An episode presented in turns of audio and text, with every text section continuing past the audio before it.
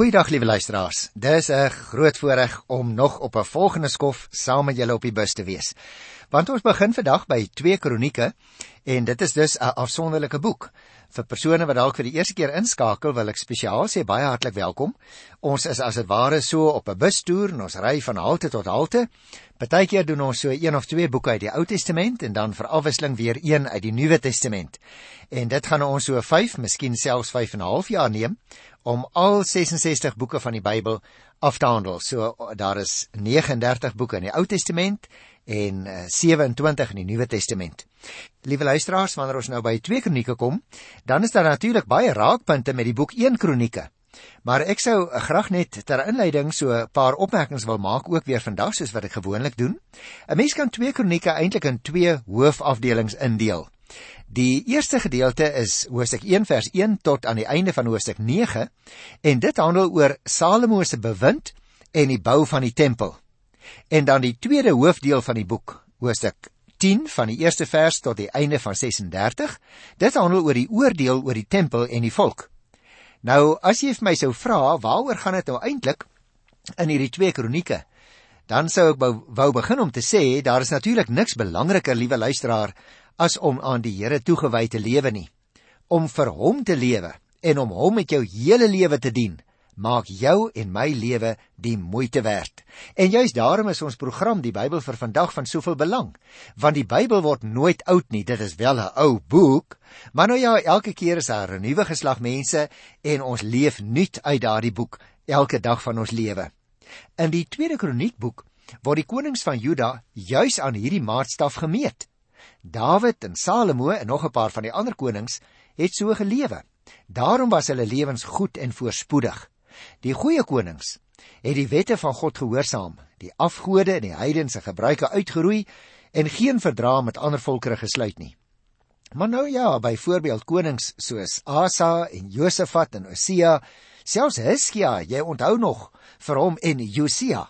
Hulle gaan deur volgens die beoordeling van die kroniekskrywer as goeie konings. Maar daar was natuurlik ook konings wat gedoen het wat verkeerd was in die oë van die Here. Onder hulle was byvoorbeeld konings soos Agas en Manasse wat seker op die maatstaf uh, van twee kronieke gemeet as die heel slegste konings sou deurgaan as ek nou dit van hulle mag sê. Die tragiese liewe luisteraar is ongelukkig dat die slegte konings die volk verlei het om nie aan die Here getrou te bly nie. Hulle is deur God uitverkies om sy volk te wees, maar hulle het kort kort van die roeping vergeet en dan maar weer soos hulle heidense bure ook blindelings agter hulle afgode aangeloop. Nou natuurlik, dan het God profete en priesters gestuur om hulle te ooreed en te straf om hulle weer terug te bring na die Here toe. Nou onder leiding van 'n goeie koning moet ons onthou, kom die mense dan ook tot inkeer en hulle laat die afgode staan. Sodra daar egter weer 'n slegte koning kom, word die afwaartse spiraal maar net weer 'n keer voortgesit en gaan dit soms selfs nog erger as van tevore hoor. En so loop die geskiedenis van Juda, 'n pad wat onvermydelik in chaos en verwoesting geëindig het. Die volk word uiteindelik verslaan, die tempel word verwoes en die mense word uiteindelik in die jaar 586 voor Christus weggevoer in ballingskap. Nou die skrywer of miskien moet ek praat van die skrywers van die kronieke boek, ons weet nie regtig nie, wou natuurlik hê dat die volk na die ballingskap die Here moes aanbid. Daarom herinner hierdie skrywer of skrywers dan die mense ook aan hulle verlede. Hy illustreer met die geskiedenis wat agter lê dat 'n lewe sonder God eintlik geen betekenis het nie. Hy onderstreep die Here se oproep dat die gelowiges oor wie sy naam uitgeroep is, berou moet toon en bid en vra na die wil van die Here en van hulle bose weë moet afkeer en wegdraai. En dan sê die kroniekskrywer, dan sal die Here luister uit die hemel, hy sal hulle sonde vergewe en hy sal hulle land herstel. Gaan lees gerus maar in 2 Kronieke 7 vers 14 as jy dit baie duidelik sien. Wanneer ons dus die 2 Kronieke boek lees, dan bring dit ons tot die besef dat jou en my lewe in menslike terme dikwels wel suksesvol mag lyk, maar dat dit eers die moeite werd is wanneer jou en my lewe in God se terme ook lewens is van toewyding en van diens aan die Here. Kort gesê, wat sou dus die doel wees van 2 Kronieke? om na die ballingskap die volk te ooreed om hulle aan die Here toe te wy by hernuwing om te toon dat die goeie konings hulle toewyding deur godsdienshervormings betoon het terwyl die slegte konings met hulle ongehoorsaamheid juis die oorsaak was van die ballingskap en hierdie foute moet die gemeente van destyds nie herhaal nie. Daarom sê jy verstaan dat die boek vir ons ook nog baie aktueel is want dit gaan uiteindelik oor ons persoonlike verhouding met die Here. 'n Kort opmerkingie weer oor die skrywer. Ek het al van tevore vir jou gesê soos by 1 Kronieke, geld dit ook hier by 2 Kronieke. Dis 'n onbekende persoon of miskien selfs 'n godsdiensgroep na wie soms as die kronikus verwys word. En ek het al vir jou vertel van die kronikus in die verlede, daarom wil ek dit nou nie herhaal nie. Wie is die geadresseerdes? Net om dit weer duidelik te kry, die geadresseerdes is die teruggekeerde Jode en ander inwoners in en om Jerusalem. Hulle is dus terug uit die ballingskap en hulle is terug in die beloofde land. Wanneer het die boek ontstaan? Die tyd na die ballingskap. Omstreeks so ons sê so 500 jaar voor die geboorte van die Here Jesus. Daar is ook verskillende hooftemas wat na vore kom, maar ek gaan nie nou daaroor praat nie want ek wil graag daarna verwys soos wat ons vorder deur die boek. Nou liewe luisteraar, ek gaan dadelik begin met die eerste hoofstuk van 2 Kronieke. En jy sal sien as jy die Bybel voor jou het, uh dit handel dan oor die eerste gedeelte van die ho eerste hoofafdeling. Daar is net, het ek net nog sê, twee hoofafdelings en die eerste een handel dan oor die bewind van Salomo en die bou van die tempel. Die verhaal baie interessant begin by Gibeon. Jy sal nog onthou luisteraar. Uh, ons lees in Joshua 10 by die 12de vers van die sonstilstand daar by Gibeon. Dit was dus 'n baie historiese plek, dit was 'n baie ou plek in die tyd wat uh, hierdie mense geleef het wat van wie ons nou lees hier in 2 Kronieke. En uh, jy sal onthou dat uh, Gibeon vir baie honderde jare al 'n heilige plek was. Daar is offers gebring by Gibeon. So voordat ek na die detail kyk, kom ek maak net 'n uh, vinnige opsomming van waaroor dit gaan hier in uh, die eerste hoofstuk. Want jy sien, die kronikus teken Salomo weer hier as 'n besonder vroom en wyse en ryk koning. Hy slaan die besonderhede van Salomo se stryd om op die troon te kom, slaan hy oor. Nou dit het ons bespreek in 1 Konings 1 en 2 en daarom gaan ek nou nie weer daarop in nie. Want jy onthou, ek het vir jou gesê elke Bybelskrywer van elke boek skryf uit 'n bepaalde gesigshoek. En daarom is Salomo nou een van die ouens oor wie die kroniekskrywer nie eintlik negatiewe goed skryf nie. Hy bevestig eerder dat die Here by Salomo was en aan hom die vermoë gegee het om as die Here gesalfde oor sy volk te regeer. Nou natuurlik luisteraar, soos dit van 'n priesterkoning verwag word, lei Salomo die volk na God toe. Hy leer hulle om God te dien op die manier wat die Here dit aan Moses voorgehou het. Later in Salomo se lewe was dit natuurlik nie so nie, want toe het hy hom laat verlei deur die afgode van die baie vrouens. Maar die kronikus kyk uit die positiewe hoek na koning Salomo. So vertel hy byvoorbeeld vir ons hoe dat Salomo die hele volk oproep om na Gibeon toe te gaan, 'n dorp omtrent so sou ek sê omtrent so 8 km noordwes van Jerusalem.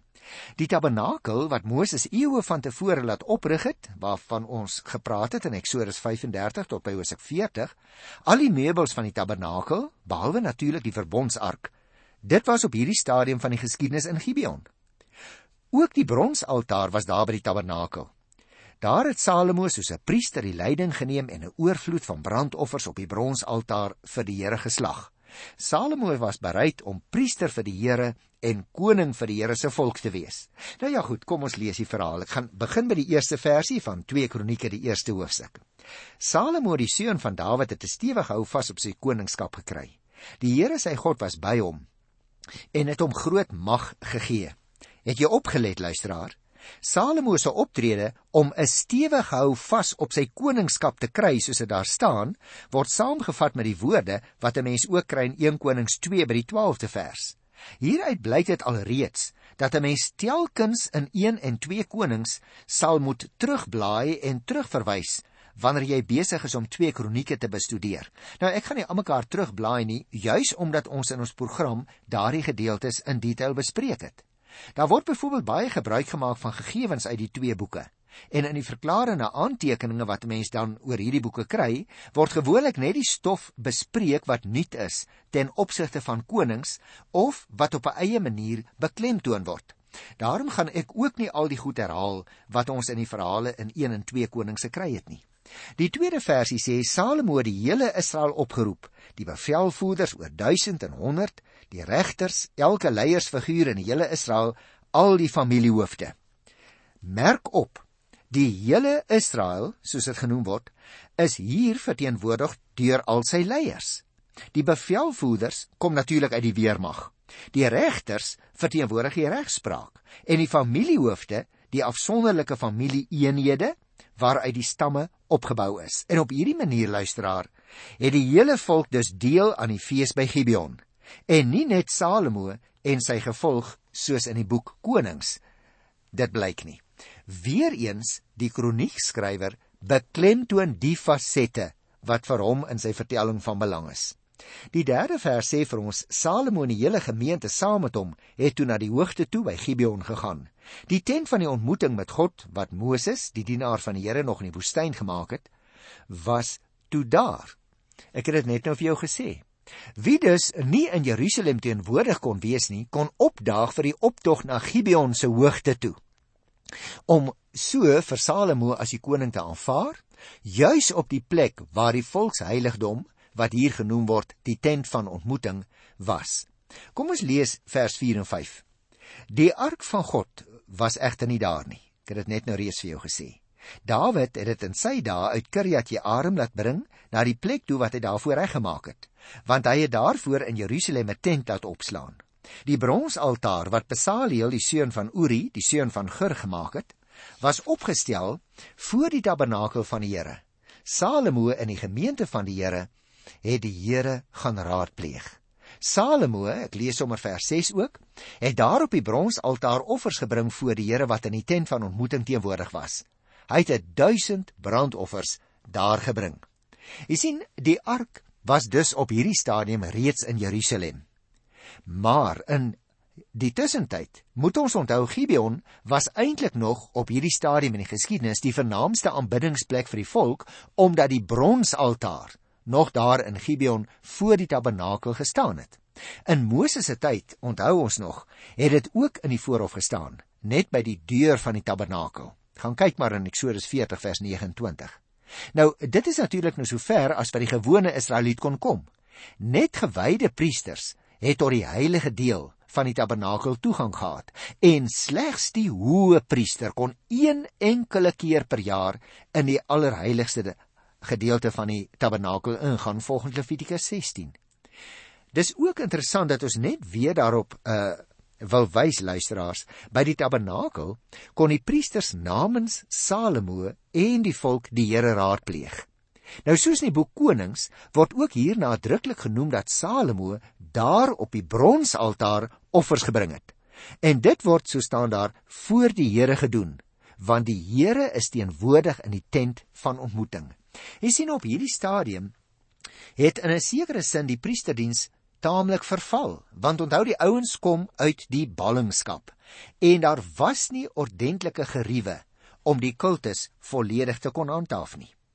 Daarom gaan ons nou uh, lees hier van vers 7 tot vers 13, gaan ons die verhaal weer 'n keer kry soos in die boek Konings hoe dat Salomo wysheid ontvang het. Kom ek trek 'n paar breë lyne voordat ek na die teks kyk. Want jy sien by die tent van ontmoeting kom ontmoet God mos die nuwe koning wanneer die Here die nag daar aan hom gaan verskyn. Die Here is met ander woorde bereid om aan Salomo te gee wat hy van die Here vra. Wat Salomo dan vra, is nie dit wat tot sy persoonlike voordeel is nie, maar dit wat hom in staat kan stel om sy roeping as priester en as koning oor God se volk ten beste uit te voer. Nou kom ons lees so 'n gedeelte daarvan. Hierso by vers 14 tot 17 gaan ek eers net lees. Koning Salomo het 'n mag van strydwaans en perde opgebou. Hy het 1400 strydwaans en 12000 perde besit, waarvan hy party in strydposte en ander by die paleis in Jerusalem gestasioneer het. Die koning het goud en silwer in Jerusalem so volop gemaak soos klippe en seders so volop soos willevye bome in die Laagveld. Nou ja, as 'n mens hier in Gauteng woon waar ek op die oomblik is, dan verstaan jy dit nogal baie goed. Dit is dus interessante beeldspraak sodat die mense presies kan verstaan waarna verwys word. Nou luisteraars, as 'n mens hieroor gesels, dan uh, besef jy net daar was nou 'n groot verskil tussen die mense voor die ballingskap en die mense na die ballingskap. Die enigste verskil wat uitstaan in hierdie vers wat ek hier gelees het by vers 14 is natuurlik die woord perde teenoor ruiters wat ons kry in 1 Konings 10 vers 26. Nou wil ek dadelik sê liewe luisteraar, die Hebreëse teks het dieselfde woord op albei plekke en dit kom ook voor in Eksodus 15 vers 1. In Salomo se tyd moet ons onthou, is daar al volop perdgery, maar die gebruik van 'n ruitery in oorleg is in sy tyd uiters selde aangetref. Die strydwaposte waarvan ons ook hier in die 14de vers lees, was baie strategies geleë in stede soos byvoorbeeld Geser en Megiddo en Hasor wat almal noord van Jerusalem was. En die sogenaamde perestalle van Salomo by Megiddo kom eintlik uit koning Ahab se tyd.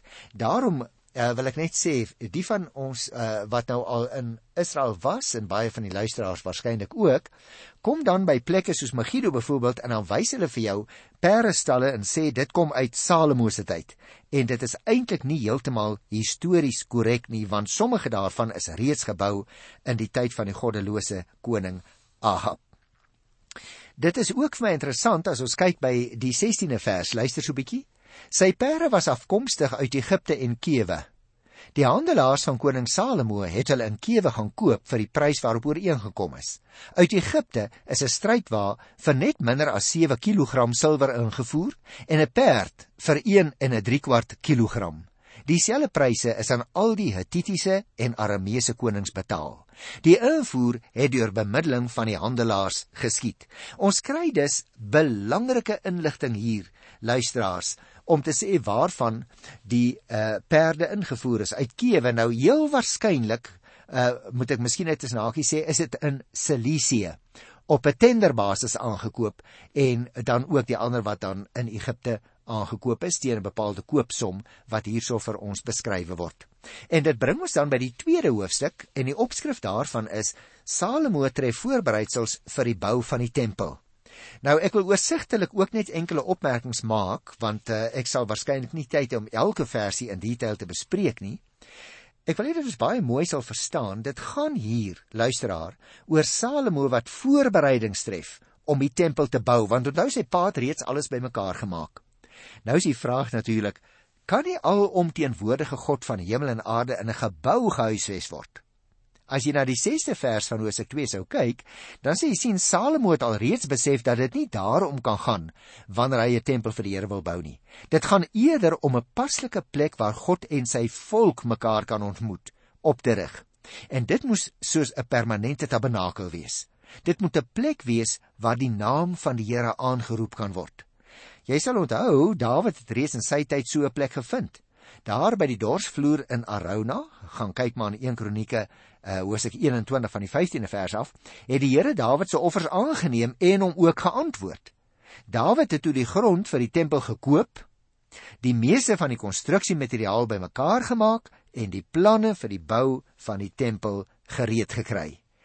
Nou was dit Salomo se taak om dit ten uitvoer te bring.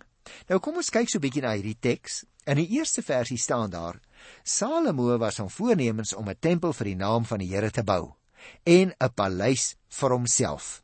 Die tweede vers sê vir die doel het hy 70000 draers en 80000 klipkappers in die berge aan die werk gesit met 3600 opsigters oor hulle. Nou natuurlik, dit is geweldige syfers, liewe luisteraar, en vir my is dit baie opvallend dat die weergawe by konings nouer aansluit by Dawid se ideaal om vir die Here tempel te bou as hier. Die kronikus aanvaar met ander woorde dat al Dawid se reëlings sy skenkings, sy opdragte oor die bou van die tempel bekend is aan sy lesers. En ons het dit ook bespreek, daarom gaan ek nou nie in detail daarop in nie. Ek wil net oor die tweede vers 'n opmerking maak want Salomo se eie arbeidsmag is geweldig indrukwekkend volgens hierdie syfers wat die omvang van die taak vir ons baie duidelik beklemtoon. Vir elke sowat 42 werkers was daar 'n opsigter as 'n mens die som gaan maak. Die draers moet ons onthou moes die klippe van die groewe af na Jerusalem toe dra. Dit moes 'n onsaglike werk en 'n moeilike taak gewees het. Vers 3 en 4 kom ek lees dit. Verder het hy die volgende boodskap gestuur aan koning Hiram van Tyrus. U het destyds met my vader ooreenkoms aangegaan en vir Dawid, my vader, seders gelewer om vir hom 'n paleis te bou om in te woon. Nou wil ek 'n tempel bou vir die naam van my God, die Here, en dit aan hom wy. Daar sal ons hom eer met wierookoffers, dan noem hy allerlei soorte offers wat gebring gaan word. Jy merk dus op, liewe luisteraar, die boodskap aan Hiram sluit juis aan by Dawid se ooreenkoms wat Salomo se pa nog met daardie koning uh van Hiram gemaak het. En die klem val op die dien van die Here met die daaglikse offers. Die 5de vers is baie belangrik dat ons dit nie sal mis nie. Die tempel wat ek wil bou, gaan groot wees. Luister nou, want ons God is die grootste van alle gode. Die grootste van alle gode. Is dit nie 'n wonderlike stukkie belydenis nie? Vir Israel luisteraars is daar net een God, die Here. Maar hulle praat dikwels nog die taal van hulle tyd, veral teenoor vreemdes en aanvaar dat die nasies se gode werklik bestaan. So is dit in die denke van die Ou Testamentiese gelowige. Die Here is egter vir hulle die grootste en daarom noem sy volk hom die allerhoogste op verskillende plekke in die Ou Testament. Nou eh, kry ons hier van die 8ste vers af hoe dat Salomo dan vir Hiram vra stuur vir my verder ook nog seder en sipres en jeneverhout van die Libanon af.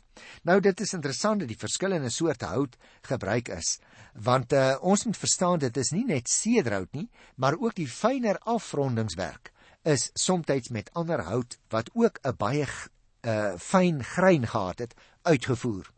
Luister so 'n bietjie na vers 15. As u nou vir ons die koring, die gars en die olie en die wyn stuur soos jy onderneem het, sal ons al die hout wat u nodig het in die Libanon kap en dit in vlotte met die see langs vir u na Joppe toe bring. U kan dit dan na Jerusalem toe laat vervoer. Dit is is baie duidelik dat koning Hiram uh hom uh laat bind deur die ooreenkoms wat koning Dawid nog met hom gesluit het en hy sê dan wat die prys is, waar hulle moet betaal, hoe hulle moet betaal en dat die hout dan op die Libanon gekap sal word, in vlotte gemaak sal word en dat dit afgeroei sal word tot by Joppe aan die Palestynse kus. Dit is dus vir ons baie duidelik, liewe luisteraar, dat daar 'n geweldige klomp voorbereiding was wat gemaak moes word. Luister na die 17de vers. Salomo het 'n opname gemaak van al die nie-Israeliete in Israel. Dit was na die opname wat Dawid sy pa reeds van hulle laat maak het. Daar is gevind dat hulle 153600 is. Hy het toe 70000 van hulle as draers en 80000 as klipkappers aan die gang gesit in die berge. Daar was 3600 opsigters om die manne aan die werk te hou. Daar kan geen twyfel wees nie, liewe luisteraar, dit was 'n werk en 'n onderneming van buitengewone omvang. Ons moet natuurlik onthou Salomo was die priesterkoning van sy volk. Die Here het dit aan hom opgedra om die tempel te bou. Want ons moet onthou dit was die simbool van God se teenwoordigheid onder sy volk en van Israel se hoë roeping. En vir hierdie taak, liewe luisteraar, het die Here Salomo toegerus met wysheid en insig, met rykdom en met eer, alles wat hy nodig gehad het om oor God se volk te regeer en om hulle te lei om God te dien. Daarom wil ek net hier by ons eerste program oor 2 Kronieke vandag al sê, Salomo se lewe en sy manier van regeer begin op 'n wonderlike hoogtepunt. Maar weet jy, die afloop daarvan was 'n redelike dieptepunt in die geskiedenis van Oud Israel. Want uiteindelik sou hierdie man wat so goed aan die hand en in gehoorsaamheid aan die Here begin het, uiteindelik sou hy die pad van die Here verlaat. En as 'n mens dit in die Bybel raak lees, dan kom die vraag by jou en by my ook op in die tyd waarin ons lewe. Liewe luisteraar, was daar dalk 'n tyd in jou lewe waar die vlamme van die geloof en wat die kole van jou teenwoordigheid in jou gemeenskap met die Here dalk warm en vuurgloedig was. Maar nou mag jy sê, broer Jan, vandag is dit nie meer so nie. Dan gaan juis die lees van die boek 2 Kronieke vir jou en vir my bietjie help. Want ons dwaal so maklik af. Hierdie boek wil ook vir ons oproep, kom terug na die Here toe. Want in die tweede helfte van die boek gaan ons sien hoe dat die oordeel oor die tempel en oor die gelowiges uitgespreek word. Hoekom? Omdat hulle afgedwaal het van die Here, dieselfde God in wie jy en ek nog glo deur Jesus Christus. Ek groet jou in sy wonderlike naam tot volgende keer. Tot dan. Totsiens.